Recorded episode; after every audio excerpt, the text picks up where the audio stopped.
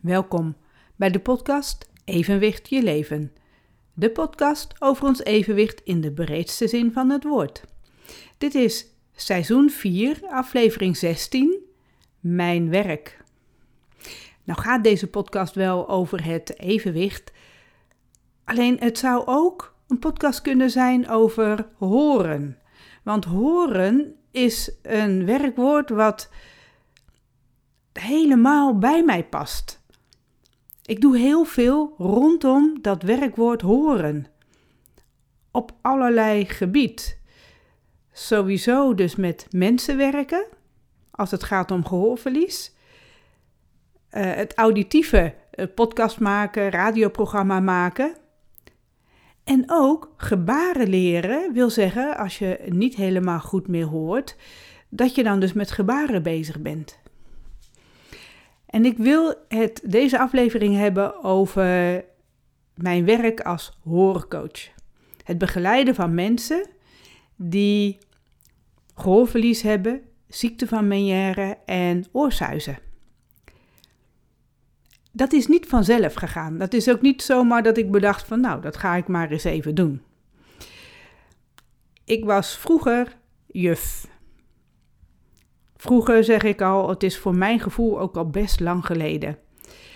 En als kind was ik al bezig met juf spelen. En toen ik eenmaal zelf, ja, dat was op scouting. Bij scouting was gevraagd of ik, toen ik padvinster was, of ik met de kabouters mee wilde gaan. En de kabouters waren de jongste kinderen, jongste meisjes van uh, de scoutinggroep. En of ik mee wilde gaan op kamp. Dat ben ik gaan doen en toen werd ik uh, ja, begeleider van, van een kamp met kabouters. Toen hebben ze gevraagd, wil jij niet een groep gaan draaien? Wil jij niet een kaboutergroep gaan doen? En dat heb ik jaren met heel veel plezier gedaan. Dat is zo vanaf mijn veertiende jaar tot mijn ik meen zo, twintigste jaar, heb ik een scoutinggroep gehad, een kaboutergroep. Een groep van ja, zo'n 30 kinderen, meisjes, in de leeftijd van uh, eh, 6 tot en met 12 jaar. Dat vond ik echt heel erg leuk om te doen. En al die dingen bedenken samen, uh, samen met ze zingen, knutselen, speurtochten houden, kampen voorbereiden en dat ook met die kampen helemaal dus het uitvoeren en daar als leiding bij zijn. Ja, ik vond dat geweldig. Dat was toen ook een logische stap dat ik naar de Pedagogische Academie ging. Tegenwoordig heet het PABO, en toen was het nog de Pedagogische Academie. Dat was ook helemaal niet raar. En dan ga je stage lopen. En ook dat, ja, alsof ik daarvoor geboren was. Ik vond het hartstikke leuk om te doen. Uh, ik heb daar echt met heel veel plezier ontzettend veel geleerd. Op de Pedagogische Academie. maar ook daarna dat ik echt aan het werk ging. Werk op een basisschool in Maarsebroek. En daar krijg je dan ook collega's. En uh, ja, dus dan krijg je, als je verschillende klassen draait, verschillende kinderen waar je mee uh, gaat werken. Ik heb voornamelijk toen groep 3 gedaan. Het was toen ook dat ik begon, was volgens mij het eerste jaar dat het ook echt groep 3 was. Was het niet meer lagere school, maar was het toen net basisschool geworden. En het was niet meer eerste klas, maar dus groep 3. En de kinderen moesten leren lezen, leren rekenen, schrijven. Alles was nieuw. Zij kwamen vanaf de kleuterschool. En ik vond dat heel interessant om daar in te duiken, om dat te leren, om daar achter te komen van hoe gaat dat dan. Ook dat heb ik toen met heel veel plezier opgepakt en heb ik jaren gedaan. Daarna zijn wij verhuisd naar Zeewolde. En ook in Zeewolde, toen daar uh, had ik zelf al kinderen. En ja, ik geloof dat wij onze zoon gingen aanmelden op school. En dat de directeur daar zei van, oh, maar jij komt toch zelf ook uit het onderwijs? Ik werkte op dat moment namelijk niet in het onderwijs. Ja, dat klopt. Ik heb altijd groep 3 gehad. Wil jij niet hier komen werken? En toen ben ik heel langzaam aan in het onderwijs gerold. Ik heb niet eens gesolliciteerd of zo. Heel langzaam ben ik erin gerold en kreeg ik weer uh, een klas. Ik heb wel daarna altijd in deeltijd gewerkt, omdat ik ook mijn eigen gezin had. Een bewuste keus. En in die jaren dat ik daar les gaf, heb ik één jaar geen les gegeven zelf, maar heb ik een student begeleid. En die student die ging dan volledig lesgeven. De, ging dan om twee of drie dagen. En in dat jaar ben ik in aanraking gekomen met coachen. Want de begeleiding moest op een coachende manier en daar kreeg ik dan les van vanuit de PABO. En dan ging je dus in plaats van adviezen geven aan die student, ging je vragen stellen. Ik vond dat heel interessant. Het was voor mij een hele nieuwe manier van, van leren. En ik hoefde haar niet te vertellen hoe zij het moest doen. Nee, ik ging de vragen stellen zodat ze er zelf achter kwam hoe zij dat kon doen. En ik deed dat best goed, totdat zij zelf op een gegeven moment zei van, nou ja, kun je het niet even gewoon zeggen hoe ik dat nou anders kan doen? Want anders moet ik er zo over nadenken. En, en jij weet het toch al. Nou ja, toen heb ik daarna, bij alle studenten die ik daarna kreeg, van eerst de vragen stellen maar ook aangegeven dat als je van mij wil horen dat ik daar een tip in geef, geef het aan, dan geef ik jou die tip of het advies wat nodig is. Ik heb namelijk meerdere studenten daarna wel begeleid. Ik was ook weer daarna gewoon juf, klasse gedraaid. Het leuke is wel dat ik een andere kijk kreeg op dat leren. Ik heb toen geleerd dat de kinderen heel veel dingen meer zelf konden uitzoeken. Dat ik niet als juf alleen maar hoef te zenden en hoef uit te leggen, maar dat ik het ook juist aan hen kon vragen. Nou was het ook dat de, ook de methodes, die waren daar ook al een beetje meer mee bezig. Dat je de kinderen een soort probleem voorlegt en dat de kinderen samen moesten gaan uitvogelen hoe ze dat dan konden oplossen. En ook dat vond ik weer heel interessant om op die manier les te gaan geven. Zo ging ik veel beter kijken naar al die individuele kinderen die allemaal wel daar een idee over hadden. En die daar op een andere manier over nadachten. En dat vond ik heel fascinerend. En toen heb ik ook ontdekt wat mijn ideale manier van lesgeven is. Ik vond dat zo leuk om het op die manier te doen. Alleen het was ook in de tijd dat mijn gehoorverlies echt wel uh, veel was en dat de tinnitus heel luid was. En dat is toen in 2006 gebeurd dat ik gewoon het hele onderwijs dus uh, uit moest, omdat ik gewoon helemaal niet meer kon werken. Had ik net ontdekt hoe het allemaal moest en toen viel ik uit. En dan heb ik dus een hele tijd niet meer gewerkt met het reïntegreren heb ik gemerkt ook dat ik niet met individuele kinderen wilde werken, maar dat ik heel graag juist met een klas wilde werken. En als dat met een klas werken niet ging, dat het voor mij beter was om niet meer in het onderwijs te werken. Ook die hoge kinderstemmen werd voor mij steeds moeilijker om, om die te kunnen verstaan. Dus tijdens die reïntegratie kwam ik er wel achter dat ik heel graag met mensen wilde werken, maar dat ik dus beter niet meer met kinderen kon gaan werken. En dat loslaten, dat is een heel proces geweest. Dat is ook weer een heel verhaal, daar ga ik nu niet verder op in. Het heeft me wel heel veel gekost. Het, eh, ik weet nog wel dat dat ook emotioneel heel zwaar is geweest. Maar toen ik eenmaal ontdekte dat ik wel met mensen kan werken, worden dat volwassen mensen, en dat op een coachende manier kan gaan doen, dan ging er eigenlijk een wereld voor me open.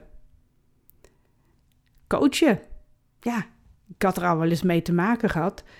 Maar nu, om dat ook echt als coach te doen, om mensen te begeleiden die zelf uitgevallen zijn, ook wegens ziekte, om die dan weer op de been te krijgen, letterlijk, figuurlijk, zodat ze zelf weer in beweging komen om het werk te gaan. En ik had zelf, ja, ik had wel ontdekt, ik kan gaan coachen, maar dat kan ik toch niet. En toen heeft de coach die mij begeleidde mij een diepe gegooid. Van, nou, hier is een cliënt, ga er maar naartoe. Super spannend. En het is wel gelukt. Ik kon op een gegeven moment toch al mensen gaan begeleiden. En ik kreeg er nog een cliënt bij en nog een cliënt bij. Ik ben ook zelf uh, een soort zelfstudie gaan doen boeken over coachen gaan lezen en doorwerken en opdrachten maken. Toen dacht ik van het is toch wel handig ook om een opleiding te doen. En het mooie was, met die reïntegratie was duidelijk dat ik ook een opleiding mocht gaan doen, omdat ik niet meer terugkwam in het onderwijs. Dat zou betaald worden door, de, uh, door mijn werkgever. Dus ik ben een coachopleiding ook gaan doen. En tijdens die coachopleiding kwam ik er al achter dat ik wel al meer stappen had gezet dan wat nodig is aan het begin van de cursus, van, van die opleiding. En dat vond ik wel mooi. Dan denk ik, hé, hey, dat heb ik al door en dat heb ik al door. Dus ik heb daar heel veel geoefend met, met medestudenten, heel veel van geleerd, ook van die medestudenten waar zij nog mee worstelden en waar ik ook zelf daardoor weer ja, rijker werd in het uh, zelf kunnen coachen. En dat heb ik dus heel lang gedaan. Ik heb heel lang mensen begeleid die ook aan het reïntegreren waren. Heel veel UWV-trajecten waren dat. En toen heb ik op een gegeven moment gekozen voor een specifieke doelgroep. Ik had ook de laatste uh, jaar gedaan van de opleiding. En toen ik daar dus met degene die bij mij de, uh, het examen afnam, die zei: ga je specificeren. Ga kijken wat er in Nederland nog niet is. Hij zelf zat namelijk uh, in, in Canada. En hij kon spreken vanuit Canada. Hij zegt: Maar ik weet niet precies wat er in Nederland niet is. Dus ga kijken wat er nog niet is en waar jij dus iets in kan betekenen. Ja, en met dat hij dat gezegd had, was het bij mij natuurlijk, dat zijn die mensen met de ziekte van Meniere, die ziekte die ik zelf ook heb. Dus toen heb ik bewust gekozen voor mensen met de ziekte van Meniere. Daarbij komt ook bij dat het mensen zijn met gehoorverlies en met tinnitus. En dat, dat was weer een volgende stap die ik ging zetten. En hoe bereik je die mensen dan? Nou, om dat dan ook weer allemaal ja, te leren, ben ik naar de opleiding gegaan uh, van hooridee, training. En dat gaat dan omgaan met uh, gehoorverlies. En met die training bij hooridee, vervolgtrainingen gedaan, ben ik uiteindelijk hoorcoach geworden hoorcoach gaat dan met name echt over dat gehoorverlies. Maar deze hoorcoach, ik dus, heb me dan ook gespecialiseerd in Meniere en tinnitus. Dus op dit moment begeleid ik die mensen. Mensen met de ziekte van Meniere en mensen met tinnitus. En doe ik daar dan iets speciaals aan? Is daar dan een speciale methode voor? Nou, dat, dat is er niet. Het is meer dat je, omdat ik zelf weet wat het is om tinnitus te hebben en meniere te hebben, dat ik op een bepaalde manier kan luisteren naar de cliënten, klanten. Er zijn ook mensen die liever klanten zeggen. De mensen die bij me komen, dat ze het fijn vinden dat ze met iemand praten die weet waar ze het over hebben. Dan hoef je ook een heleboel dingen niet meer te zeggen, omdat zij weten, jij weet al wat ik bedoel. En ja, dan is het luisteren naar wat zij nodig hebben. Want geen enkele meniere patiënt en geen enkel persoon met tinnitus is hetzelfde. Dus ik luister en ik stel de vragen met wat zij nodig hebben.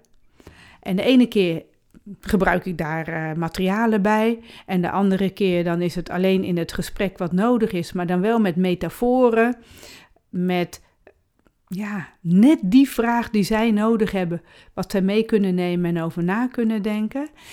En af en toe geef ik ook de tips. Heb je hier wel eens aan gedacht? Heb je daar wel eens aan gedacht? Juist omdat zij graag geholpen willen worden en ja, toch minder tijd hebben, minder de tijd willen nemen om het helemaal zelf uit te zoeken. En als zij dan die tip van mij willen horen, kan ik dat aangeven. Waarbij ik ook altijd aangeef: neem die tip mee, ga kijken wat je ermee gaat doen. Maar als jij ontdekt, ik kan het beter zo doen, dat maakt niet uit, hè? Het gaat erom dat jij in beweging bent.